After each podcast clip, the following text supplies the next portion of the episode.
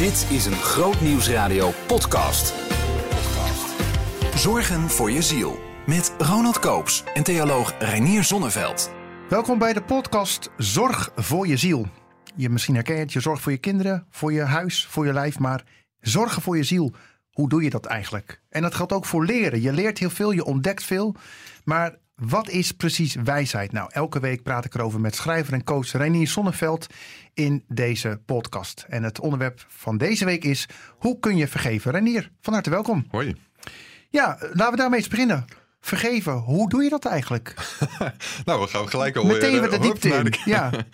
naar de kern. Nou, ehm, ik denk dat het begint bij het gevoel dat het überhaupt nodig is. Weet je wel? En, en, dat, en dat echt ergens ervaren. En er zijn wel signalen voor dat je, dat je denkt van oké, nu, nu is er iets aan de hand. En dus soms is het heel duidelijk en dan gaat het over boosheid. Dus als je, als je bij jezelf merkt dat je veel aan het mopperen bent in je hoofd, wat dan ook. Dus dat kan met specifieke gebeurtenis, met een specifieke persoon te maken hebben. Ja. Maar er kan ook gewoon dat je gewoon een beetje een mopperig mens aan het worden bent. En je merkt dat je veel, veel eh, aan het redeneren bent in je hoofd. Of heel boos. Of voor mij wordt iemand in elkaar aan het slaan bent in je toch hoofd. had ik gelijk. En Zeker. waarom hij ook altijd. Ja, Ja, Dat soort fantasie heb ik wel. Ja. eens. Als ik heel boos ben op iemand, dan, eh, dan eh, kan ik zelfs wel iemand doden in mijn hoofd. Wow. Ja, heb je dat, dat heb je nooit, eh, dat je Nee. iemand echt een Nee, moordfantasie? Misschien moeten we de podcast nou, Ja, dan laten moeten we nu maar even stoppen en eh, gaan we even heel snel een liedje draaien. Goed, we hebben dus Nou. over eh, muziek in de kerk.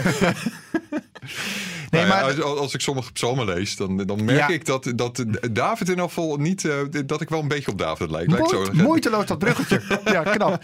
Hey, maar even serieus. Vergeven is natuurlijk best een, een moeilijk onderwerp. Want aan de ene kant hoor je wel eens, je moet altijd vergeven. Ik chargeer een beetje. Aan de andere kant hoor je ook vaak uit de mond van slachtoffers... Hoe kan ik nou iemand vergeven die A. geen sorry heeft gezegd... en B. half nog niet door heeft wat hij of zij mij heeft aangedaan? Wat, hoe, hoe werkt dat? Is vergeven voor de ander of, of voor jezelf? Nou ja, het is sowieso. Maken, we laten een verschil maken tussen verzoenen en vergeven. Leg eens uit. Verzoenen is een relationeel begrip, om het een beetje ziek te zeggen. Dus dat is iets wat tussen twee mensen gebeurt. Waarbij inderdaad de ene meestal sorry zegt en de andere zegt: eh, joh, eh, nu is zand erover, bij wijze van spreken. Om het even op zijn allersimpelst te zeggen. Ja. Dat is verzoening. En misschien erkennen beide partijen wel schuld, bijvoorbeeld. Dus een relatie die beter wordt. Vergeven is een individuele daad. Dus dat is iets wat je in je eentje doet, waarbij de ander misschien wel eh, overleden is. Dat kan zelfs. Oké. De ander hoeft het dus ook niet altijd te weten. Ook, ook al leeft Nee, die persoon nog. Die, hoeft, die hoeft het niet altijd te weten. Het kan wel en het kan helpen om te kunnen vergeven. Maar, eh, en, en het kan ook binnen verzoening plaatsvinden. Dat je vergeeft, dat, dat is altijd zo. Maar het, het hoeft niet. Dus het, is een- het is een individuele daad. Ehm, en ja, eh, het, het, het is gewoon een stuk lastiger op het moment dat de ander geen schuld erkent. Op het moment dat de ander er niet is, of, het, of wat dan ook. Dat maakt het een stuk lastiger op het moment dat je, dat je zelf nog boos bent. Dus ik denk dat het überhaupt dus altijd begint met het erkennen dat, eh, eh, dat er iets niet oké's is gebeurd voor jezelf. Als de ander sorry zegt, dan helpt dat, want dan weet je dat Ja. die ander dat ook zo ziet. Maar je kunt dat niet afdwingen, inderdaad. Je kunt dat Nee. niet afdwingen. En, en, dus het begint überhaupt bij het besef van ik wil vergeven. Ik ben, het, ik ben het nu zat. En dat kan dus, ik begon met dat, het met, met woede te maken kan hebben. Maar het Mhm. kan ook, het speelt bij veel mensen is het ook meer naar binnen geslagen woede. En dan is het vaak vermoeidheid of depressie. Dus Wauw, dus dat- het heeft echt, echt grote gevolgen als je met, met wrok leeft. Als je met wrok leeft en, dan, en veel mensen definiëren, hebben dan niet eens door dat er zoiets als vergeving wel zou kunnen helpen. Omdat ze gewoon denken, ja, ik ben heel vaak moe en ik, ik ben heel vaak eh, depressief. En eh, ja, waar komt dat nou toch vandaan? En in veel gevallen is dat een soort naar binnen geslagen woede om iets, om onrecht wat jou is aangedaan. En ik denk dat het belangrijk is om te beginnen met het besef dat, dat ja, woede is een emotie, ik zou zeggen dat die door God is uitgevonden om ons eh, te, te, helpen om met onrecht om te gaan. Om onszelf te beschermen, om anderen te beschermen, om onrecht aan te pakken. Ja, echt een mechanisme gewoon. Ja, om, het is een mechanisme. En, dat is, en als wij nooit boos zouden worden, dan, dan zou het onrecht gewoon in de wereld blijven. Ja. ik maar zeggen. Dan, dan zouden we daar nooit wat aan doen. We zouden nooit problemen oplossen. Dus je hebt ook wel de, de uitdrukking je, je even kwaad maken, zeg maar. Dat is dan een soort van de positieve variant. Ja, maar er komt een soort energie vrij. Wat, Er komt energie wat, wat iets in beweging kan zetten, inderdaad. ja, dus dat is iets goeds. Eh, dus, dus op het moment dat je ergens boos over bent, wees, erken dat dan ook. Dat er, dat er iets ergs is gebeurd. En, dat, en geef dat ook de ruimte. Eh, En dat is vaak of eh, regelmatig al genoeg om te hebben vergeven. Gewoon puur het erkennen dat het niet oké was wat er is gebeurd. Waarom denk jij dat God zo graag wil dat wij vergeven? Want er staat natuurlijk ook in Ja. de Bijbel, hè? in het gebed wat Jezus Ja. ons geleerd heeft, onze Vader. Waarom is dat, denk je? Want het wordt vaak eh, Ja. uitgelegd al van nee, maar je, je moet vergeven. Misschien Ja. is het wel zo dat God zegt: nee, ik, ik wil graag dat je vergeeft. Omdat, ma- maakt de zin Ja. dus. Wa- Nou waarom- ja, ik, sowieso denk ik dat het heel nuttig is om te zien. eh, je, hoeft, je hoeft voor niemand te vergeven behalve voor jezelf, zou ik zeggen. En dat klinkt heel, eh, heel egoïstisch en zo. Maar ik denk dat het essentieel is. Op het moment dat je voor de ander gaat vergeven, dan versterk je eigenlijk weer eigenlijk het probleem weer. Maar maak dat eens even praktisch. Want hoe, hoe zou iets voor een ander kunnen vergeven? Wat, Nou ja. wat zeg ik dan bijvoorbeeld? Nou ja, dan, dan, dan, gaat, het- dan gaat het dus heel erg over de redenen die je zelf daarbij in je hoofd hebt. Van ja, dat, dat helpt die ander vast. En dan wordt het weer, dan komt de sfeer hier wel Oh, terug. zo, ja. En eh, ja, anderen zeggen dat, eh, dat het zo naar is. En eh, ja, die, die, ander leeft, die, die voelt zich zo rottig over wat er is Ja, gebeurd. nou, nou oké dan zo. Ik, ik vergeef hem of haar. Dat kan, Ja. maar het kan ook in een soort bijna gewelddadige. dus even een extreem voorbeeld. In een misbruikssituatie kan de omgeving grote druk uitoefenen aan het slachtoffer. Van ja, je moet het vergeven, want we zijn het gedonder zat. En eigenlijk is het dan gewoon een, een, een, eh, een, een, een gewelddaad weer ten opzichte van het slachtoffer. Ja, iemand wordt weer onrecht aangedaan. Iemand wordt weer onrecht aangedaan. En de, het, de essentie van slachtofferschap is juist dat jou iets is afgenomen. Dus je, je, wordt, je wordt kleiner gemaakt dan je bent. Je hebt een bepaalde autonomie als mens, je hebt een bepaalde kracht als mens en, en er is jou iets in afgenomen. Op het moment dat je voor de ander gaat vergeven, gebeurt eigenlijk weer hetzelfde. Dan, wordt jou, dan, dan heb je weer niet de macht over de situatie, heb je weer niet de controle over de situatie. Wordt er weer gezegd van ja, jij doet er eigenlijk niet toe, wat jij wilt, doet er eigenlijk niet toe. Je moet nu ook maar vergeven. En dat moet dan weer vaak voor de gemeenschap, de mensen eromheen, voor de ander, voor het slachtoffer. Ja. Of voor de dader bedoel Ook ik voor, nu. ook voor de buitenkant dus eigenlijk wel weer. En weer voor de buiten. We willen het mooie plaatje weer compleet hebben. Ja, dus ik zeg het nu heel hard, maar dat gebeurt regelmatig. En, en als anderen het al niet zeggen, zeggen we het voor onszelf. Ja, ja. Want woede eh, heeft natuurlijk iets gevaarlijks. Weet je wel, de, de, de, de, de orde die er is, de, de, de, gewoon de, de, alledaagse gebeurtenissen, de, de, de, de- wat allemaal zo leuk eruit ziet, dat, dat kan daar worden- door bedreigd worden. Je- doet iets, weet je wel. Ja, we hadden het zo leuk als gezin. We hadden het zo leuk ja. als gezin en nu begin jij ermee dat, Ja. eh, dat je dat altijd zo moeilijk bij papa en mama had. Nou, Ja. eh, het was altijd zo leuk in de familie en nu kom jij niet meer op de familiefeestjes. Ja. Ja, dat is een ding. En Ja. dat moet je maar vergeven. Dus de enige manier wat gezond is, is dat je het voor jezelf doet. En dat betekent dus een soort erkenning dat je denkt van ja, die woede, die vermoeidheid, die depressie die ik voel, dat, is, eh, dat heeft zijn functie gehad. Dat is belangrijk, want het was onrecht. Stap 1. Maar stap 2 is dan, het is nu genoeg geweest. Het, het, ik vind het, het werkt niet meer voor mij. Het beperkt mijn leven. Ik, ik, ik vind mezelf een vervelend mens worden op dit moment. Ik denk er te veel aan. Het kost me te veel. Deze woede is nu, is nu genoeg geweest. Het kost me nu te veel. Ja. En ik wil ermee stoppen. Dat zijn eigenlijk, dat de, in essentie wat je doet als je aan het vergeven bent. Ik laat het nu los. En, en dat is in eerste instantie een keus. Die je regel- waarschijnlijk regelmatig dan moet vernieuwen. ja, niet één keer een keuze en het is klaar, maar Kan hoor. Kan. Gebeurt ook wel. Dat, Hmm. dat dat gewoon een heel dramatisch moment is. Vaak met huilen en toestanden waarbij je beseft... ja, nu is het genoeg geweest en ik ben er klaar mee met die vermoeidheid. En het is die, eigenlijk en- dus loslaten ook ergens. het is loslaten. Ja, ja. Eh, en als actieve keus die je soms dus regelmatig, of eh, die, die, die regelmatig moet vernieuwen. In de zin dat je dus als je weer boos bent en weer loopt de schelden in je hoofd of wat dan ook. Dat je er weer aan denkt. Dat je actief even eh, ja, de knop omzet, zeg maar. Actief denkt van oké, Ja. het is het, ik, had, ik, ik wist dat het genoeg was. Het heeft zijn functie gehad, die woede. Ik ga nu aan iets anders denken. En dat kun je elk moment, elke seconde van de dag kun je aan besluiten je, je concentratie op iets anders te richten.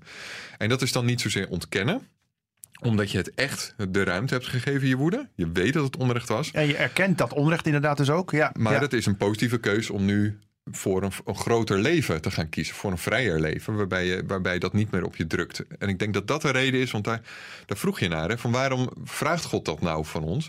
Nou ja, omdat, omdat hij ziet dat, dat we meer bloeien en vrijere mensen zijn... op het moment dat we eh, leren vergeven.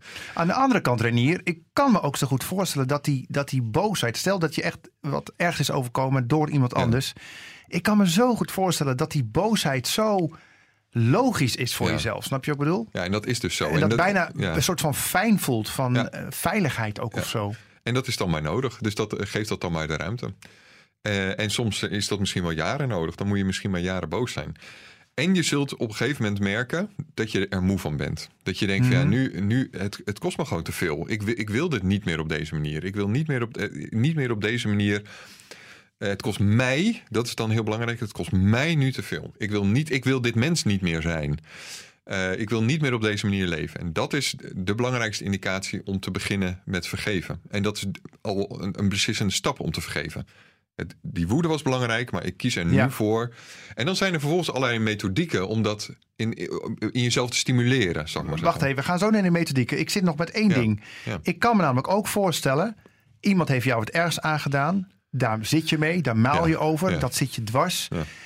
Dat het misschien ook een soort van verlogening is naar jezelf. Voor je gevoel, dat klopt misschien niet. Een soort verlogening. Ja, maar als ik nou die persoon vergeef, poeh, dan, dan lijkt het alsof het niet meer bestaat of zo. Snap je wat ik bedoel? Ja, nou en dus sluit vergeving en bijvoorbeeld een rechtszaak aangaan. Dus dan hebben we het over de erge dingen. Dus vergeving kan, kan echt over hele kleine dingetjes gaan.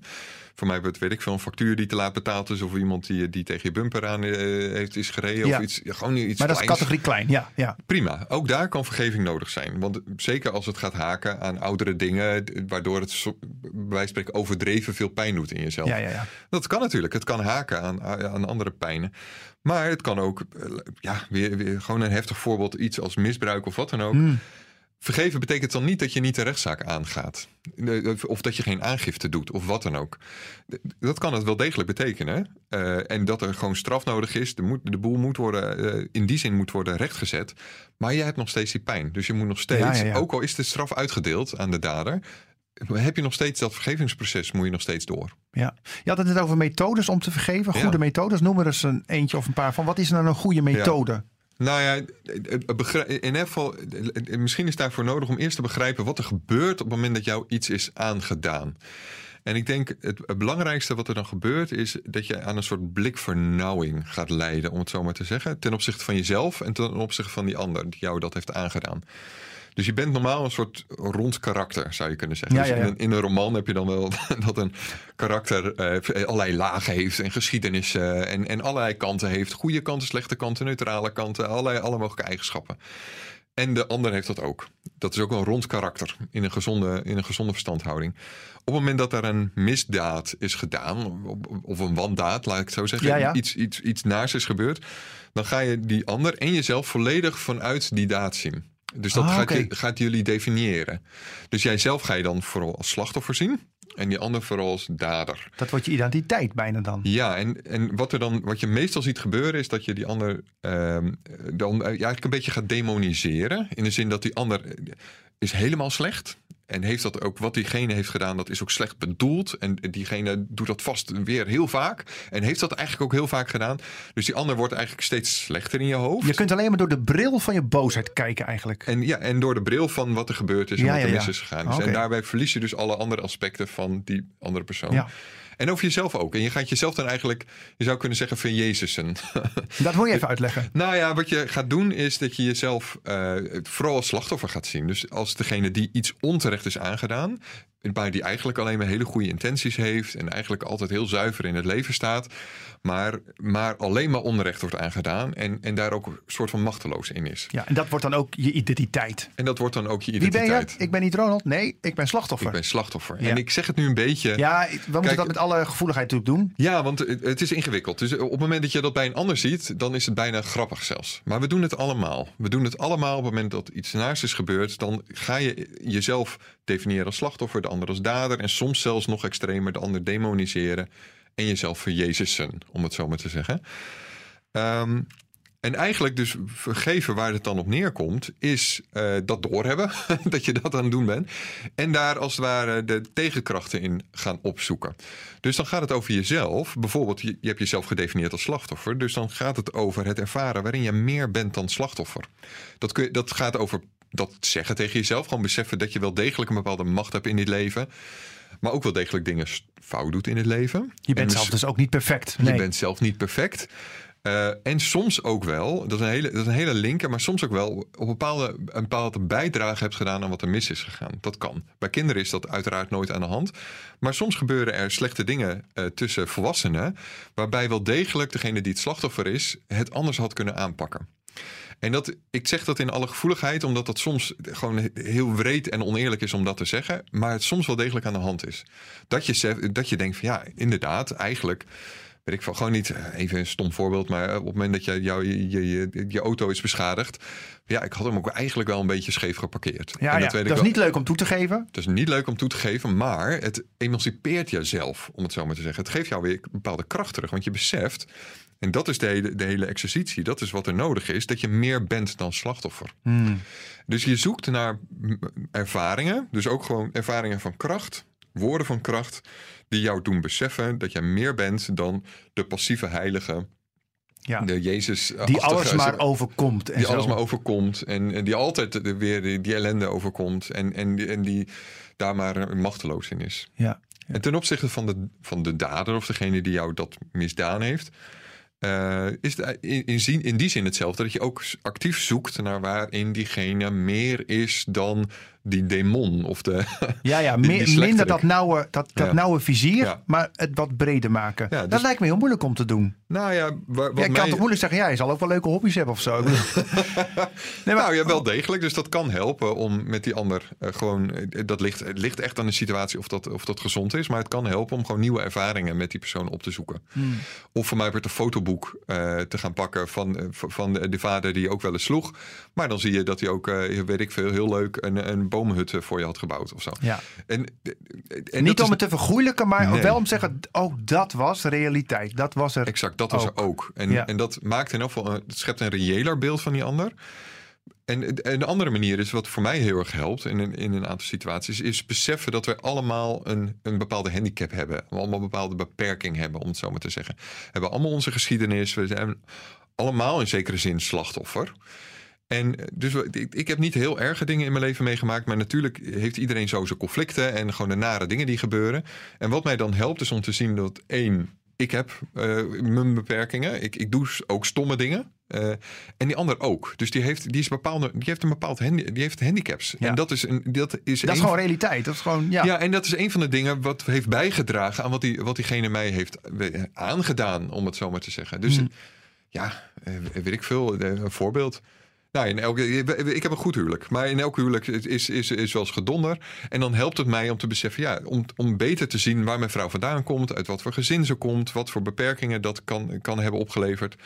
En dat ze natuurlijk niet alles kan. Weet je wel? Natuurlijk het, het, het kan zij, zal zij ook nooit een soort van de, de, de geniale vrouw zijn die in alles mij uh, de, de, precies goed uh, nee. doet. Wat, uh, en tegelijk, andersom wel natuurlijk, maar... Andersom ben ik uiteraard de, perfecte man. De prins op het witte paard, hier is die. Ja. Nou, en het helpt vervolgens dus, dus zij doet dan iets wat ik vervelend vind. En, maar het helpt vervolgens mij ook om te beseffen, ja, ja ben ik altijd de leukste echtgenoot? Nee, eigenlijk niet. Uh, heb ik uh, geen beperkingen? Nou, eigenlijk wel. Ja, ja, ja. En uh, doe, weet je, dus heb ik geen aandeel aan gehad wat hier. Nee, ik heb eigenlijk wel een aandeel aan gehad wat hier is gebeurd. En dus, daarmee verruim je je blik op de ander, ja. maar dus ook op jezelf. En er komt meer verbinding weer. Ja.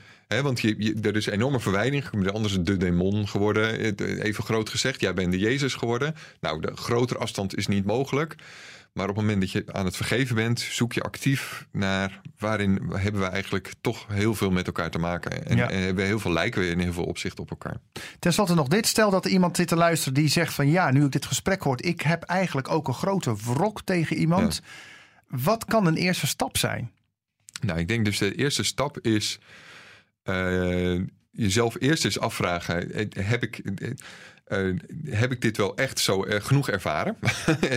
wil ik er niet te snel nu overheen? Ja, ja, ja. Ben ik eerlijk ten opzichte van mezelf? Uh, en, en, wil ik het niet wegpoetsen? Nee, niet van ik heb dit gesprek gehad. Oh, ik moet nu ook vergeven. Nou, dan nee. ga ik even snel hop, hop nee, vergeven. En dan moet gaan jezelf we lekker, ook daarin serieus nemen. Over, precies. Dan gaan we, nu gaan we lekker ten opzichte over de orde van de dag. En, en, de, en iedereen is weer blij. En, ja, en, vink van je actielijstje. nee, dat kan dat, niet. Kan niet. Uh, in veel gevallen niet. Soms Nee. wel. Hè? Soms zijn we gewoon een beetje kinderachtig en hebben iets gewoon te groot gemaakt. En dan is het gewoon nu niet piepen, maar vergeven. Ja, ik heb je al lang vergeven dat je te laat was vanochtend Nou, precies. Nou, en ik, ik ga je straks nog even op je neus slaan, omdat je dit zo, eh, zo even ont, onthult. Nee, flauwekul. Maar, ehm, en vervolgens is denk ik, zoek, zoek in jezelf naar de, de redenen waarom je beseft dat, dat het nu genoeg is geweest. Ko- Kost jou, is het inderdaad zo dat deze woede jou nu te veel kost? Beperkt het jou? En, en dan is de keus, oké, het, het is nu genoeg geweest. Ik, ik wil nu op een an- andere manier naar deze relatie gaan kijken. Ik wil de ander als en dat zou dan de kern zijn. Ik wil de ander als meer zien dan een, groot slechterik. Ik wil mijzelf als, als meer zien dan alleen een slachtoffer. Mooi. En daar ga je actief naar zoeken en dan ben je aan het vergeven. En, en dat is een proces. Dus dat, het, soms kan het in een, in een klik gebeurd zijn. Meestal is het een proces waar dagen, weken, jaren soms overheen gaan. Maar dat vind ik ook wel weer mooi. Ons leven is een werkplaats. Eh, Zeker. We blijven leren, Ja, we zeker. blijven ontwikkelen en we blijven fouten maken. Dus eh, Ja, zeker. mooi. Dankjewel voor dit gesprek. Van harte. Tot volgende week zou ik Ja. zeggen. Vond je dit nou een mooie podcast? Eh, abonneer je dan via de podcastkanalen die er zijn, iTunes of Spotify. En je kunt ook altijd terecht op onze site grootnieuwsradio.nl schuine streep podcast. Volgende week spreek ik Renier weer in de Nieuwe Morgen. En eh dan komt die dag ook weer een podcast. eh, zetten we, ja ik wil zeggen zetten we vrij, maar het klinkt weer zo evangelisch. Er is een podcast beschikbaar. En de podcast staat dan in de overwinning. Dat ja, ja, dat geval. gaan we doen. Luister ook elke vrijdag naar de rubriek Zorgen voor je ziel in de Nieuwe Morgen. Bij Grootnieuws Radio. Behoefte aan meer? Grootnieuwsradio.nl slash podcast.